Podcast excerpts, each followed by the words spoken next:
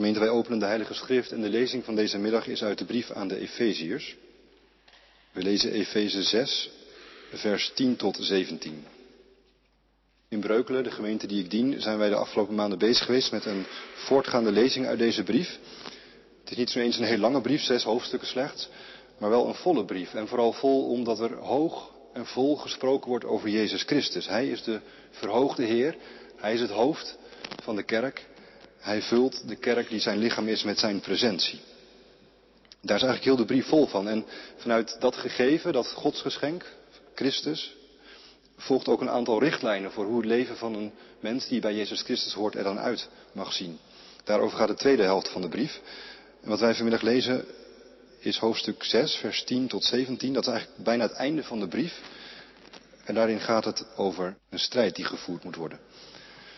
Dit is wat de apostel schrijft. Ten slotte, zoek uw kracht in de Heer, in de kracht van zijn macht. Trek de wapenrusting van God aan om stand te kunnen houden tegen de listen van de duivel. Onze strijd is niet gericht tegen mensen, maar tegen hemelse vorsten, de heersers en de machthebbers van de duisternis, tegen de kwade geesten in de hemelsferen. Neem daarom de wapens van God op, om weerstand te kunnen bieden op de dag van het kwaad, om goed voorbereid stand te kunnen houden. Houd stand met de waarheid als gordel om uw heupen, de gerechtigheid als harnas om uw borst, de inzet voor het evangelie van de vrede als sandalen aan uw voeten, en draag bovenal het geloof als schild waarmee u alle brandende pijlen van Hem die het kwaad zelf is kunt doven. Draag als helm de verlossing en als zwaard de geest. Dat wil zeggen Gods woorden. Tot zover de lezing uit de Heilige Schrift. Dit is niet zomaar een woord, dit is het woord van God, dit is uw leven. Halleluja. Amen. Gemeente van onze Heer Jezus Christus, ik moet u bekennen dat ik wat geaarzeld heb om over dit gedeelte te preken.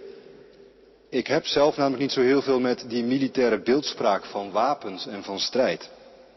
Zeker niet als dat ook nog in verband wordt gebracht met het geloof. Voor een deel zal het wel samenhangen met mijn karakter. Ik, ik vermijd liever strijd en conflict dan dat ik dat opzoek.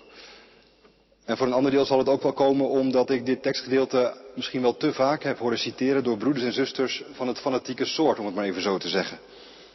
Gelovigen die zo'n beetje overal en achter elke boom een geestelijke strijd ontwaren. Broeders en zusters die het eigenlijk vaker hebben over de duivel die overal op de loer ligt, dan over Jezus Christus die de duivel toch echt overwonnen heeft. Als ik dat hoor, word ik zelf altijd een beetje argwanend en, en sceptisch. Misschien herkent u dat, misschien ook niet. In ieder geval, voor mij kwam er meer in het algemeen ook nog bij dat die woordcombinatie van geloof en strijd in onze tijd meestal totaal verkeerd begrepen wordt.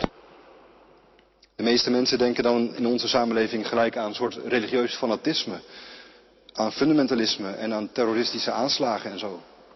En nu weten wij dat dat christelijk geloof daar echt totaal niks mee te maken heeft.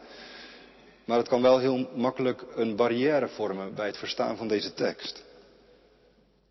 En toch, gemeente, heeft het mijzelf goed gedaan om eenvoudig en aandachtig te luisteren naar dat wat de apostel zeggen wil. En ik hoop dat het u vanmiddag ook goed doet als ik u doorgeef wat ik zelf ontvangen heb. Op het eerste gehoor doet die militaire beeldspraak van wapenrusting en van strijd ook wel een beetje vreemd aan in het geheel van de brief aan de Efeziërs. Ik zei het al, vanaf de eerste regels is deze brief vol van Jezus Christus, van de gekruisigde die verhoogd is. De apostel schreef al aan het begin van zijn brief over de overweldigend grote kracht en macht van God. Hij schreef in hoofdstuk 1, vers 20, die macht van God, die was werkzaam in Christus toen God hem opwekte uit de dood en hem in de hemelsferen een plaats gaf aan zijn rechterhand, hoog boven alle hemelse vorsten en heersers, boven alle machten en krachten en elke naam die genoemd wordt, niet alleen in deze wereld, maar ook in de toekomstige. Nou, dat is een heel volle zin, Maar eigenlijk zegt de apostel daar met zoveel woorden dat de strijd beslecht is. En dat Jezus Christus alle machten overwonnen heeft. En alsof dat nog niet duidelijk is, zegt de apostel meteen daarna, God heeft Jezus Christus alles aan zijn voeten gelegd. En hem, Christus, als hoofd over alles aangesteld. Dat is dus de toon van deze brief en toch is er dan plotseling aan het einde sprake van een strijd. Een strijd tegen hemelse vorsten, tegen heersers en machthebbers van de duisternis, tegen kwade geesten in de hemelsferen. Ik vroeg me af, hoe kan dat dan? Hoe moeten wij dat begrijpen en verstaan? En, en wat betekent dat dan voor ons vandaag in deze wereld? Daar kwam ook nog iets anders bij, gemeente. Want als je deze brief zo doorleest, dan valt op dat de apostel herhaaldelijk de beeldspraak van wandelen gebruikt. Als hij wil uitleggen wat het betekent voor een christen om, om christelijk te leven, dan heeft hij het vaak over wandelen. Geloven, dat is het gaan van een weg. Het is een levenswandel. In hoofdstuk 5 schrijft de apostel bijvoorbeeld, ga dan de weg van de liefde. Zoals Christus, die ons heeft liefgehad, het heeft voorgedaan. Christen zijn is wandelen in het licht, gaan van het weg van de liefde. En dat beeld van wandelen heeft eigenlijk iets heel vredigs en iets heel lieflijks, iets harmonieus. En dat beeld van, van strijd en van een wapenrusting steekt daar opeens heel grimmig bij af. Wandelen, dat betekent ontspanning. Strijd betekent inspanning. Misschien wel zelfs op leven en dood. En de vraag is dan, hoe verhouden die twee zich tot elkaar? Ik dacht gemeente, misschien ligt het antwoord op al deze vragen in vers 10. Dat is misschien ook wel meteen de sleutel tot heel dit gedeelte. Daar schrijft de apostel, ten slotte zoek uw kracht in de Heer, in de kracht van zijn macht. We moeten even letten op die allereerste woorden, denk ik. Ten slotte, voor het overige. Dat is meer dan een slotwoord waarmee de apostel het einde van zijn brief inluidt. Dit gaat niet alleen over het naderende einde van een brief. Dit is eigenlijk vooral ook een verwijzing naar het naderende einde der tijden. Ten slotte, dat wil hier zeggen voor het overige, voor de tijd die ons nog rest. De tijd die ons nog rest voordat Christus komt en ons geloof overgaat in aanschouwen. En waar moeten wij dan op letten? Dat is eigenlijk de vraag die hier aan de orde is in dit gedeelte. Waar moeten wij op letten in de tijd die ons nog rest tussen de verhoging van Christus die aan de rechterhand van zijn Vader zit en zijn komst om te oordelen over de levenden en de doden? Waar komt het nu in deze tijd voor ons op aan? Eigenlijk is dat een vraag die ook elke zondag weer aan de orde komt. Want de zondag dat is een dag die God apart heeft gezet. Dat is, dat is altijd weer een klein Pasen. Het is de dag waarop wij vieren en beleiden dat Christus is opgestaan. Dit is een voorafspiegeling van die grote dag die komt. En dat zet eigenlijk heel ons leven op spanning. Waar komt het nu voor ons op aan? Nou, eigenlijk maar op één ding, gemeente. En wel dit. Zoek uw kracht in de Heer. Wat betekent dat dan? Nou ja, soms wens je iemand kracht toe, sterkte zeg je dan. En dat doe je dan vooral als iemand eh, in een lastige situatie zit met, met zijn gezondheid of, of met andere problemen. En dat is dan bedoeld als een soort bemoediging. Is dat wat Paulus bedoelt? Ik hoor ook wel eens coaches roepen, ga in je kracht staan. En dat moet dan zoiets betekenen als blijf vooral heel dicht bij jezelf. Wees jezelf. Dat is dan bedoeld als een soort empowerment. Is dat wat Paulus bedoelt te zeggen? Ja, ik denk het wel. Iets van bemoediging en tegelijk iets van empowerment. Maar dan toch wel op een heel typisch christelijke manier ingevuld. Want een christen, en dat bent u toch, een christen dat is iemand die juist geleerd heeft om zijn kracht niet te zoeken in zichzelf, maar alleen buiten zichzelf, in Jezus Christus. En voor zover een christen toch de kracht kan zoeken in zichzelf, dan is dat toch alleen maar mogelijk omdat het is zoals de apostel eerder schreef in hoofdstuk 3, omdat de Heilige Geest in ons innerlijk kracht en sterkte schenkt, zodat Jezus Christus daar woning kan maken. Ook dan gaat het dus om Jezus Christus. Dat is nou het wonderlijke van het geloof, gemeente. Wij beleiden een verhoogde Heer, Jezus Christus, die naast de Vader zit, boven alle machten en krachten. En tegelijk is Hij die op de hoogste troon troont, niet ver van ons hart. Hij wil ook in ons wonen. En zo kunnen wij dat dan verstaan. Zoek uw kracht in de Heer. En om maar enig misverstand te voorkomen, zegt de apostel er meteen bij, dat wil zeggen in de kracht van zijn macht. Die woorden klonken eerder in de brief, toen de apostel sprak over, over de macht van God, die, die Jezus Christus uit de doden heeft opgewekt. Het gaat hier dus om de macht van God, die de gekruisigde verhoogt. Het gaat hier om het lam dat staat als geslacht. Zoek het daar. Zoek het in Hem. Dat is de boodschap. En als je nu dat iets meer in de taal van de ervaring wilt horen, dan, dan zegt de apostel Paulus ergens, ik geloof in de tweede Corinthiërsbrief, in de taal van de ervaring dit. Als ik zwak ben, dan ben ik machtig. Want dan wordt de kracht van Christus in mij zichtbaar. Dat zegt dus ook iets over wat christenen zijn. Christenen zijn niet van die, van die helden die overal maar tegen kunnen. Christenen zijn niet van die mensen die het altijd maar even mooi zeggen en goed doen. Nee, wij ontvangen onze kracht van elders, van boven. Als wij zwak zijn, dan wordt de kracht van Christus zichtbaar. Dat schrijft de apostel trouwens ook in verband met verzoekingen door de duivel in dat gedeelte. En ook over de duivel gaat het dus in Efeze hier. Daarvan zegt de apostel, trek de wapenrusting van God aan om stand te kunnen houden tegen de listen van de duivel. Nu, over die duivel en zijn listen moeten we het zo meteen hebben. Eerst over die wapenrusting van God. Wat betekent dat nou eigenlijk? Betekent het dat, dat God ons wapens in handen geeft? Geeft Hij ons wapens waarmee u en ik, wij een strijd moeten voeren?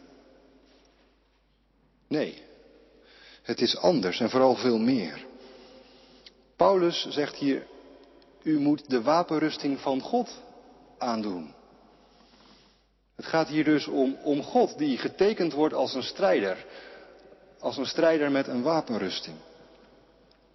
Het is God zelf die ten strijde trekt tegen de, de kwade machten in de lucht en tegen de duivel en zijn listen. Dat beeld heeft de apostel niet van zichzelf, dat heeft hij ontleend van de profeet Jesaja. Jesaja heeft het op verschillende plekken in zijn boek over God als een strijder. Daar is het God die, die zich omgort met een gordel van trouw, die een harnas van gerechtigheid aandoet en die een helm op zijn hoofd zet van redding. En zo trekt de God van Israël ten strijde tegen het kwaad en het onrecht waar de wereld zo vol van is. Dat moet je even voor je zien. God als een strijder en zijn wapens zijn trouw of waarheid, gerechtigheid en redding. Zo is God een strijder en zo is hij eigenlijk, zegt Jezaja ook, de vorst van onze vrede. Dit zijn de wapens waarmee God het kwaad en de zonde in deze wereld zal verslaan. Trouw en waarheid, gerechtigheid en redding. En wij dan? Wat is dan onze opdracht als God een strijder is? Nou zegt Paulus, u moet de wapenrusting van God aandoen. Waarom? Om staande te kunnen blijven. Dat is onze opdracht. Staande blijven tegen de listen van de duivel. Dus wat wij mogen en moeten doen is dat wat van God is, namelijk zijn wapenrusting, ons toe-eigenen. Dat wat van God is, het onze maken. En dat is dan bedoeld om staande te blijven. Niet meer en zeker niet minder. Ons wordt niet gevraagd om ten strijde te trekken, om het offensief aan te gaan, Ons wordt ook niet aanbevolen om ons maar terug te trekken in een hoekje en het defensief op te zoeken en, en, en je overal van te onthouden. Nee, staande blijven, stand houden. Daar komt het op aan. Dat woord gebruikt de apostel drie keer in dit gedeelte. Staande blijven, dat kan nog een hele inspanning zijn, gemeente. Niet fanatiek ten strijde trekken, niet angstig wegvluchten, maar volhouden. Houd stand. Dat wil zeggen, blijf erbij. Blijf erbij dat de waarheid en de trouw van God, dat de gerechtigheid en de redding van God genoeg zijn. Dat die voldoende zijn om de strijd te winnen. Blijf erbij dat de vrede van Christus alles en allen overwint. Blijf erbij dat het in deze donkere wereld mogelijk is om te leven als kinderen van het licht.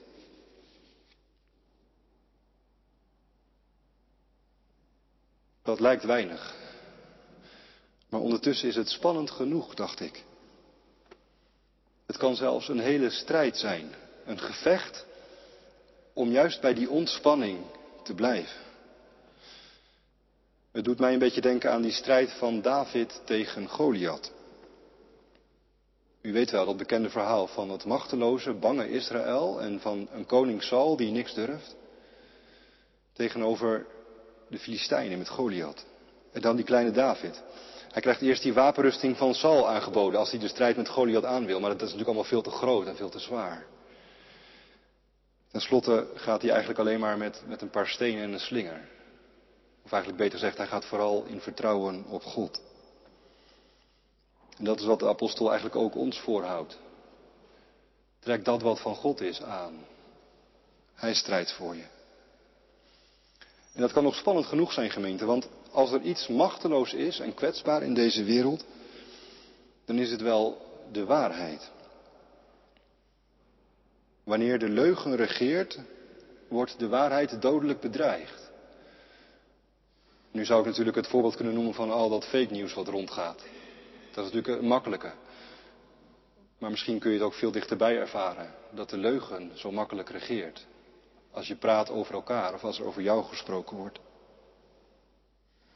En meestal is het dan ook zo dat als de waarheid bedreigd wordt, dat ook de gerechtigheid om zeep wordt geholpen. Ook dat kun je op allerlei manieren ervaren. Afgelopen week heeft onze samenleving de schok daarvan ook gevoeld. Dat het recht en, en, en zijn loop bedreigd kunnen worden. En wat dat dan doet met een samenleving. Als het recht zijn loop niet meer heeft, waar blijven wij dan? Dat kun je ook opnieuw in het klein ervaren, dat je onrecht wordt aangedaan. En al snel kun je dan het leven zo ervaren zoals Israël het ervaart tegenover Goliath. Dat er eigenlijk geen redding meer aan is. Dat je denkt, laat maar, het heeft geen zin. Dan zie je eigenlijk geen redding, geen toekomst, geen vrede meer voor je. Niet meer voor jezelf, niet meer voor de kerk en niet meer voor de wereld. En als het ons zo vergaat, nou ja, dan zijn dus die listen van de duivel geslaagd. Dan zijn zijn methoden succesvol gebleken. En nu waarschuwt Paulus ons dus, daar moet je op letten. Daar moet je dus niet intrappen in die listen van de duivel. Paulus zegt, die duivel heeft allerlei methoden en, en dan noemt hij ook allerlei kwade machten in de lucht en geesten die daar bezig zijn. Ik ben zelf geneigd om dat zo te vertalen, er zitten allemaal dingen in de lucht. Onze samenleving is vol van allemaal dingen. En die kunnen zomaar ons leven en ons geloof ondermijnen. Het zijn dingen vaak die zich presenteren als volkomen vanzelfsprekend. Als dingen waar je gewoon niet omheen kunt. En die toch slecht voor je zijn. Het klinkt natuurlijk nog wat abstract. Misschien een paar voorbeelden om het wat duidelijker te maken. Ik dacht bijvoorbeeld aan dat idee dat, dat als het goed gaat met de economie, en daar hebben we deze week ook weer over gehad met die Prinsjesdag en al die cijfertjes. Dat als het goed gaat met de economie, dat het dan ook met ons goed gaat. En dat het dan ook wel goed komt met de wereld. Of denk aan dat idee dat je pas geslaagd bent als je mooi bent. Als je gezien wordt. Liefst door zoveel mogelijk mensen die je lijken. Of denk aan het idee dat, dat het de wetenschap en de techniek zijn die ons in deze wereld zouden redden. Zomaar wel dingen. Ik zou nog even kunnen doorgaan.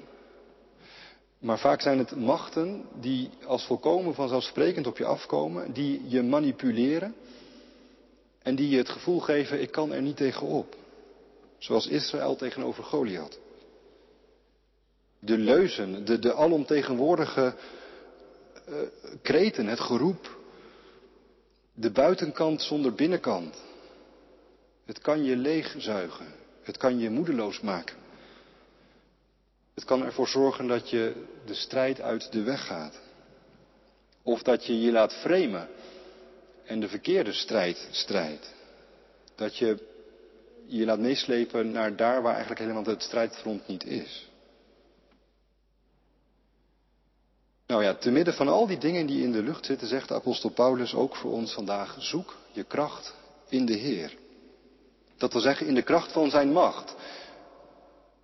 In de gekruisigde die is opgewekt. En houd stand. Blijf erbij dat de waarheid en de trouw van God, dat zijn recht en zijn redding genoeg zijn. Genoeg voor jou en genoeg voor deze wereld ook om haar te behouden.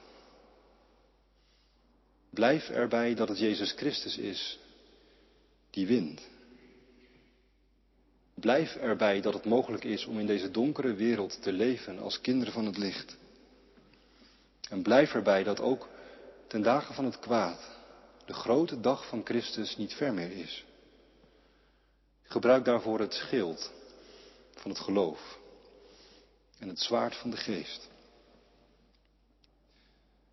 Dat is gemeente de strijd die wij mogen en moeten voeren. Dat is het strijden van de goede strijd.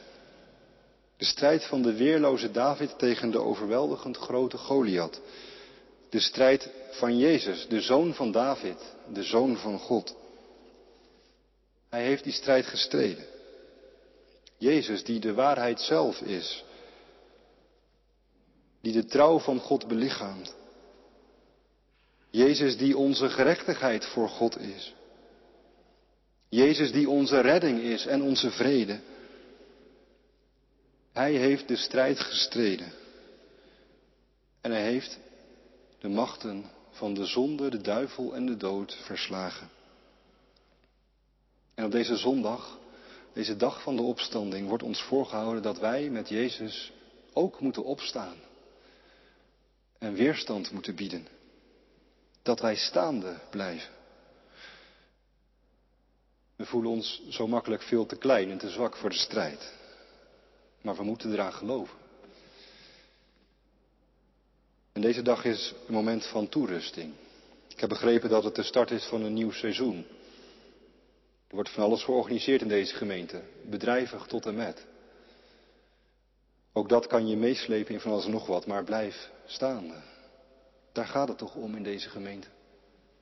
In de kerk van Christus.